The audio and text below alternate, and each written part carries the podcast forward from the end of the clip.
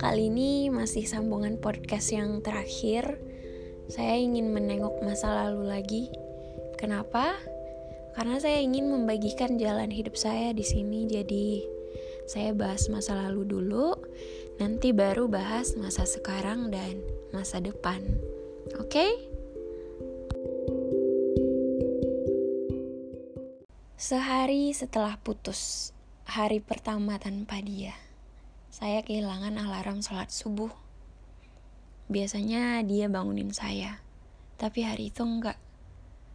Saya bangun sendiri setelah mendengar suara pel bapak kos yang rutin membersihkan lantai depan semua kamar setiap dia habis sholat subuh. Lalu saya bangun, melihat handphone saya tidak ada notifikasi apa-apa. Saya tersenyum. Akhirnya kita selesai. Biasanya saya suka ngomel kalau dia telepon-telepon saya. Bangun, sholat subuh, katanya. Iya, bentar lagi bangun kok. Kamu duluan aja sholatnya. Sekarang malah kangen hal-hal kayak gitu. Ini kamu gak gangguin aku tidur lagi nih. Kalau aku kesiangan gimana?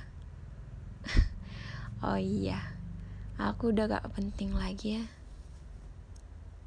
Ya begitulah. Banyak hal jadi tampak indah setelah jadi kenangan. Dia adalah sementara yang saya pikir selamanya. Saya bangun dari tempat tidur, gosok gigi, lalu wudhu. Sholat saya hari itu khusyuk sekali. Saya malu sama Tuhan. Biasanya doa saya pendek, tapi hari itu doa saya sangat panjang saya minta sama Tuhan untuk mengembalikan hati dia buat saya. Dan saya minta sama Tuhan untuk menjadikan semua ini cuma mimpi. Bodohnya saya hari itu. Tanpa saya sadari, air mata saya jatuh bersama dengan doa-doa yang saya ucapkan. Saya juga minta sama Tuhan agar saya dikuatkan kalau ini benar-benar nyata. Bisa-bisanya dia yang kemarin-kemarin adalah sumber bahagia saya, hari ini menjadi sumber kesedihan yang paling dalam-dalam hidup saya. Selesai sholat, saya sempat baca Al-Quran dua halaman. Lalu saya buka pintu kos, melihat matahari terbit dengan indah. Dunia nggak boleh tahu kalau saya lagi sedih. Karena hari ini akan tetap cerah meski hati saya mendung. Lalu saya kembali ke tempat tidur dan menonton TV. Sambil sesekali melihat handphone saya berharap ada ucapan selamat pagi. Tapi saya justru dapat kekecewaan karena yang saya harapkan itu nggak ada. Hari menjelang siang, saya merasa lapar. Lalu saya pesan ojek online. Satu paket ayam penyet kriuk ditambah es teh. Nggak lama setelah itu pesanan saya datang dan saya berusaha makan seperti biasanya meskipun sebenarnya saya nggak selera. Lalu masuk waktu zuhur, saya mandi, sholat, dan siap-siap ke kampus. Karena jam kuliah saya hari itu dari siang sampai sore. Saya jalani hari saya dengan muka yang flat hari itu. Saya ternyata gagal untuk tidak melihatkan kepada dunia kalau saya lagi sedih. Banyak teman-teman nanyain, kok saya nggak aktif hari ini? Karena biasanya saya aktif di kelas, apalagi pas pelajaran matematika ekonomi. Saya suka maju ke depan biar dapat poin. Tapi hari itu enggak, Selesai dua mata kuliah, saya pulang sambil bawa dua es krim yang saya beli di Alfamart depan kos. Saya pikir menghabiskan dua es krim sekaligus akan bikin hati saya jadi lebih membaik, tapi nyatanya enggak.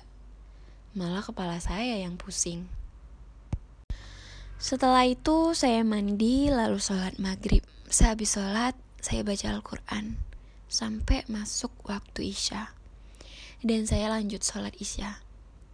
Saya nggak tahu kenapa, tapi kehilangan dia ada hikmahnya sih. Saya jadi makin dekat sama Tuhan. Sholat saya jadi makin khusyuk dan saya jadi rajin baca Al-Quran. Selesai sholat, saya masak mie goreng di dapur. Saya nggak selera mau makan yang lain. Itu pun nggak saya habiskan.